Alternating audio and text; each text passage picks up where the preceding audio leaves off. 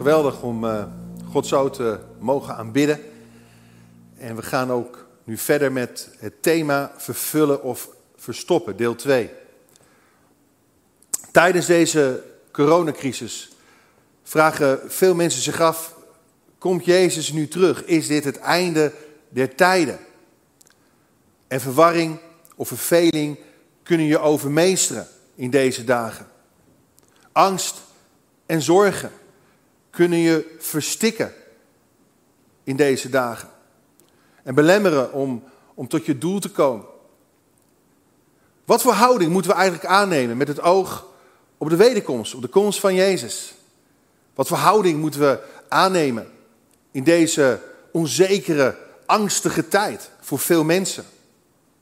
En dan vertelt Jezus een gelijkenis over de talenten die ons met de neus op de feiten drukt. Moeten we doelloos afwachten? Of moeten we ons uitstrekken naar nieuwe wegen en nieuwe middelen om toch nog van betekenis te kunnen zijn? Om tot zegen te kunnen zijn voor onze omgeving, voor onze naasten. Want juist nu, in een tijd van quarantaine, hebben we de keuze om ons terug te trekken in passiviteit of om uit te stappen in creativiteit. We kunnen ervoor kiezen om onze gaven, onze missie, onze roeping te verstoppen of juist te vervullen. Hoe moeten we ons opstellen in deze tijd? Dat is een belangrijke vraag waarin het gewone leven plaats heeft gemaakt voor het onbekende en het onzekere. En we zien hoe erg de situatie ook is tijdens deze pandemie, dat mensen heel creatief zijn geworden, innovatief zijn geworden. Creatief om er het beste van te maken. Zo las ik op RTL Nieuws. Stel, bouwt bus om tot restaurantje. En eet iedere week bij favoriete eettent. Om toch nog dat vertrouwde gevoel te hebben en om die tent te steunen, te ondersteunen. Is dat niet mooi? Zo hadden drie bredenaars het idee om van het gele bandje, je kent het wel, hashtagje Livestrong, blauwe bandjes te maken. Hashtagje Stay Strong. En de hele opbrengst daarvan gaat naar het Rode Kruis. Hoe mooi is dat? Een idee van Tim Hofman leidde tot het ontwerpen van een nieuwe artiesten-app. Hometour.events. Of hometour.events moet ik zeggen. Speciaal van artiesten. Die huiskamerconcerten willen streamen. Zodat je live van hun muziek kunt genieten. Hoe gaaf is dat? Vele nieuwe initiatieven ontstaan, juist in deze periode. We staan voor nieuwe uitdagingen. En dat is best wel bijzonder. En zo zijn er dus heel veel manieren om het saamhorigheidsgevoel in onze samenleving te versterken. Ook natuurlijk onderling naar elkaar toe als gemeente. Vorige week hebben we gezien dat God iedereen minstens één talent heeft gegeven om een taak of om een roeping te vervullen. Jezus zei, lees mee, uit Matthäus 25, vers 13. Wees dus waakzaam, want jullie weten niet op welke dag en op welk tijdstip hij komt. Of het zal zijn als met een man die op reis ging, zijn dienaren bij zich riep en het geld dat hij bezat aan hen in beheer gaf.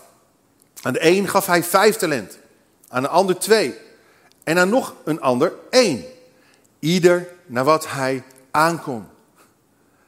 En toen vertrok hij Meteen ging de man die vijf talent ontvangen had op weg om er handel mee te drijven. En zo verdiende hij er vijf talent bij.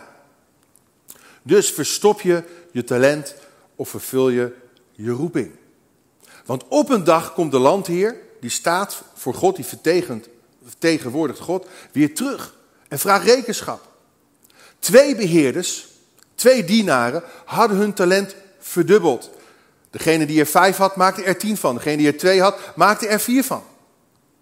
Dus wat je investeert, kan God gaan vermenigvuldigen. Wat je uit angst verstopt, kan God weer terugvorderen. Zo zei hij tegen de dienaar die niets had gedaan: Neem hem daarom het talent af en geef het aan hem die de tien talenten heeft. Uit angst had hij het verstopt, lezen we. Weet je, angst kan natuurlijk heel positief zijn in ons leven. Het kan ons waarschuwen voor gevaren. Angst is een belangrijke emotie om ons te beschermen. Maar angst kan ook destructief zijn. Het kan ook vernietigend zijn. Omdat het je kan verlammen. Het kan je besluitloos doen maken. Het kan Gods plannen in je leven dwarsbomen. Corrie ten Boom, een verzetstrijdster die heel gelogen was uit de Tweede Wereldoorlog. Zij zei, angst verandert niets aan het verdriet van gisteren. En lost de problemen van morgen niet op. Het enige wat angst doet, is je vandaag verlammen.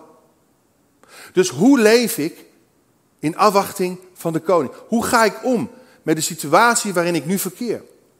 En dan komen we uit op het vierde principe. Vorige week hebben we andere principes besproken. Drie principes. Maar nu, ik leef trouw met de prijs in het vooruitzicht. Dat is het vierde principe. En Jezus zei in Matthäus 25, vers 23, uitstekend, zei zijn Heer, je bent een goed en trouw dienaar. Iets kleins heb je goed beheerd. Nu zal ik je over iets groots aanstellen. Kom binnen en vier feest met mij. Dit, lieve mensen, is het principe van compensatie. God geeft ons geen middelen, geen gaven of talenten om erop te zitten, maar om ermee aan de slag te gaan. En het vooruitzicht is feest. Het is vreugde. God is een God van feest, van vreugde. Hij wil dat we met vreugde hem dienen, met enthousiasme, met passie. En weet je, het is een geestelijke wet. Dat je blijer en gelukkiger wordt als je geeft, als je dient. God houdt van, van feest. En hij geeft zelfs een belofte in Psalm 126, vers 5. Daar staat dat zij die in tranen zaaien, zullen oogsten met gejuich, met vreugde. Weet je, als ik mijn talenten gebruik, als jij je talenten gebruikt, zal God door mij en door jou heen werken en belonen. Het principe van compensatie heeft alles te maken met het principe van wat je zaait, zal je oogsten. Gebruik je je talent niet, dan verlies je het. Ja, het is net als met spieren. Als je je spieren niet gebruikt, helaas moet ik zeggen, ook in mijn geval, is het enige dat groeit je buik en niet je spieren. Nou, dat geldt over wat God jou heeft toevertrouwd. Wat je niet voor God gebruikt of investeert, kan zelfs van je worden afgenomen. Want, zegt Jezus in Matthäus 25, vers 29, wie heeft zal nog meer krijgen en wel in overvloed. Maar wie niets heeft, hem zal zelfs wat hij heeft nog worden ontnomen. En weet je, laten we eerlijk zijn. Uit angst kunnen we allerlei excuses verzinnen. Om God niet ten volle te dienen of om niet uit te stappen in vertrouwen. We verwijten ook heel makkelijk andere mensen voor de problemen die wij hebben.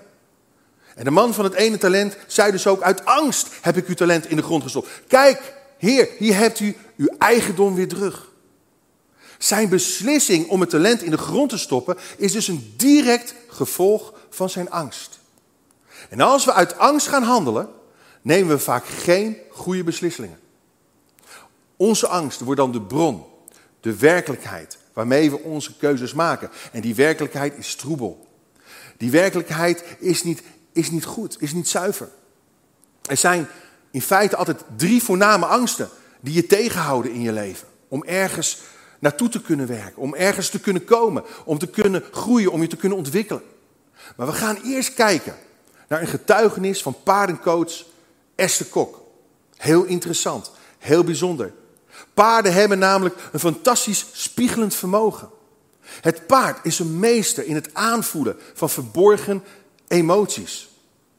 Zelf heeft Esther heel veel angsten en, en paniekaanvallen gekend in haar leven. En nog steeds kan ze ermee worstelen. Maar toch, hoe interessant is het om te gaan luisteren, te gaan kijken naar hoe God heeft ingegrepen in haar leven. En hoe paarden kunnen helpen bij het verschaffen van zelfinzicht. Als je zelf of met jezelf in de knoop zit. Laten we gaan luisteren naar het verhaal van Esther.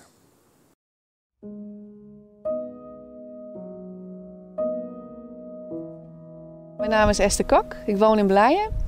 En ik ben eh, life lifecoach en paardencoach. Daar, eh, dat voer ik uit in mijn eigen praktijk in Blijen. Maar ook bij Stichting Stee en Pre ben ik eh, werkzaam als paardencoach. Nou, de grootste strijd die ik in mijn leven heb ervaren is toch wel de depressie waar ik in zat. En de angsten die ik ervoer.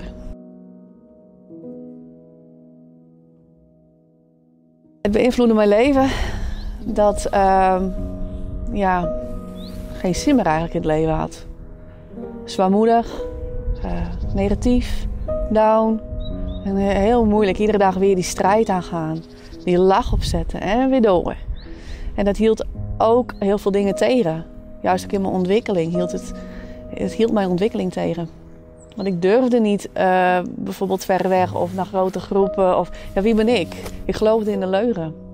Dat ik er niet toe deed. En dat, ze, dat, het, nou ja, dat het beter was uh, dat mensen beter af waren zonder mij dan met mij. Dat was toch alleen maar lastig. Ik heb dit overwonnen door op een moment een keuze te maken. Keuze te maken door mijn leven eh, in, in, in Gods handen neer te leggen, in Jezus handen neer te leggen, door leiding te vragen van de Heilige Geest. En ook hulp te zoeken. Want ook de Heer werkt ook door mensen heen. Ik heb door deze ervaring andere mensen uh, kunnen helpen door mezelf ook uh, te gaan scholen als lijfcoach en paardencoach. Ik merk dat paarden voor mezelf uh, echt van betekenis waren en zijn in mijn leven. Ik heb zoveel van de paarden geleerd. Die leerden mij om het in het hier en nu te zijn. En als ik niet in verbinding ben met mezelf, kan ik ook niet in verbinding komen met het paard. En dat zie je ook in het dagelijks leven terug. Dan kom je ook niet in verbinding met mensen. En door dat juist te gaan ervaren en, en, en leren, um, ja, heb ik dit nu zelf ook om kunnen buigen naar dat ik ook nu in de praktijk ook in mijn werk mensen kan helpen. Ook juist door middel van die paarden. Als iemand met angst worstelt, je worstelt niet alleen. En zoek eventueel hulp. Je kunt ook je hulp en kracht vinden, zeker bij de Heer. Maar hij zet ook mensen in. Net zoals ik ook ingezet mag worden als instrument. En ook paarden ingezet kunnen worden als instrument. Dat, dat uh, blijven niet mee worstelen.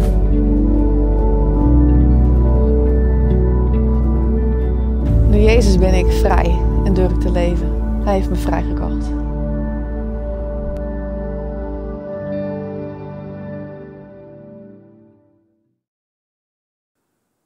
Er zijn dus drie voornaamste angsten in ons leven. En ik, ik hoop dat, ja, dat u iets hebt meegekregen van datgene wat Esse Kok heeft gedeeld. Met jou, met ons. Maar allereerst, we hebben te maken vaak met de angst om te falen. Faalangst betekent letterlijk ja, de angst om het fout te doen. Of eigenlijk, wat, wat hier dieper um, onder ligt, is de angst om afgewezen te worden. De, de angst om, om misschien wel verworpen te worden, niet erkend te worden. Dit kan ontstaan omdat je misschien vroeger heel erg kritisch bent bejegend. Of omdat je zelf heel erg overkritisch bent naar jezelf toe. Of heel erg veel eisend bent voor jezelf. En dan kan er twijfel ontstaan over jezelf. Misschien onzekerheid over je bekwaamheden, je mogelijkheden. En het kan je ook weer houden om, om verder te groeien, tot ontplooiing te komen. Maar weet je, falen is niet fataal. Falen is niet fataal, want de basis van je fouten, de basis ook van je onvolkomenheden, je tekortkomingen, je zonde en je zwakte is door Jezus opgelost aan het kruis. Weet je, God de Vader, Hij kijkt ons door Jezus aan en ziet jou door Hem voor 100% zitten. Van daaruit mag je je waarde gaan uitwerken. En werk je niet om je waarde te verdienen. Dus falen is niet fataal.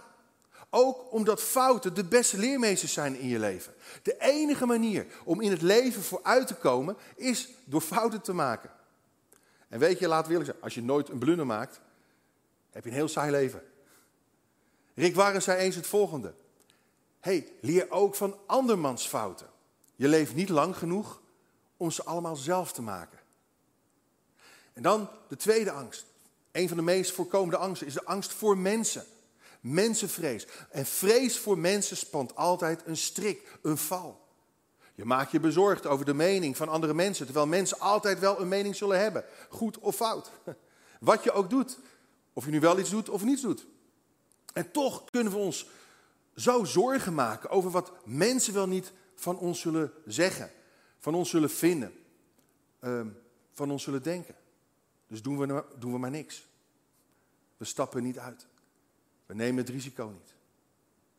Mensen zullen altijd wel ergens commentaar op hebben. Maar weet je, als je steeds rekening houdt met de mening van iedereen, behaag je uiteindelijk sowieso niemand meer. Je kunt nooit iedereen behagen, het iedereen naar de zin maken. En trouwens, als God voor je is, wie zal dan tegen je zijn?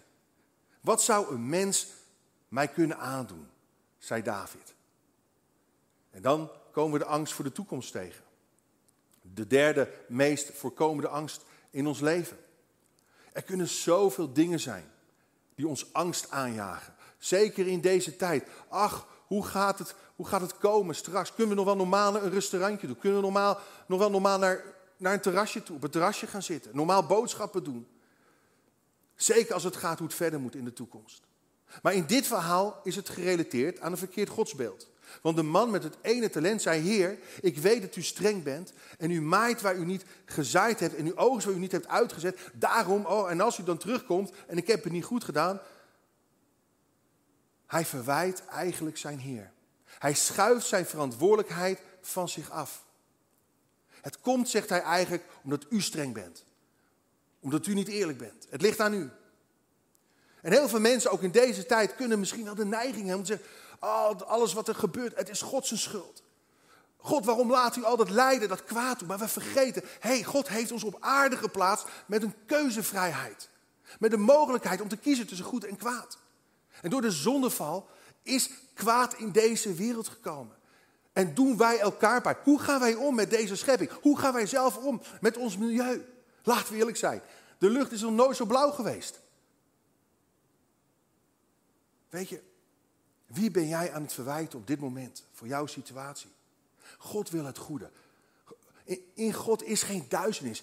In God is licht. Maar heeft ons wel als beheerders, als renmeesters hier op aarde gesteld. Daar gaat dit hele verhaal over. En de slechte slaaf probeerde zich te verschuilen achter een excuus. Maar de reactie van zijn heer was heel adrem. Oh, zei hij, je wist dus dat ik maai waar ik niet heb gezaaid. En oogst waar ik niet heb geplant. Had mijn geld dan op de bank gebracht. Dan zou ik tenminste nog mijn kapitaal met rente hebben terugontvangen.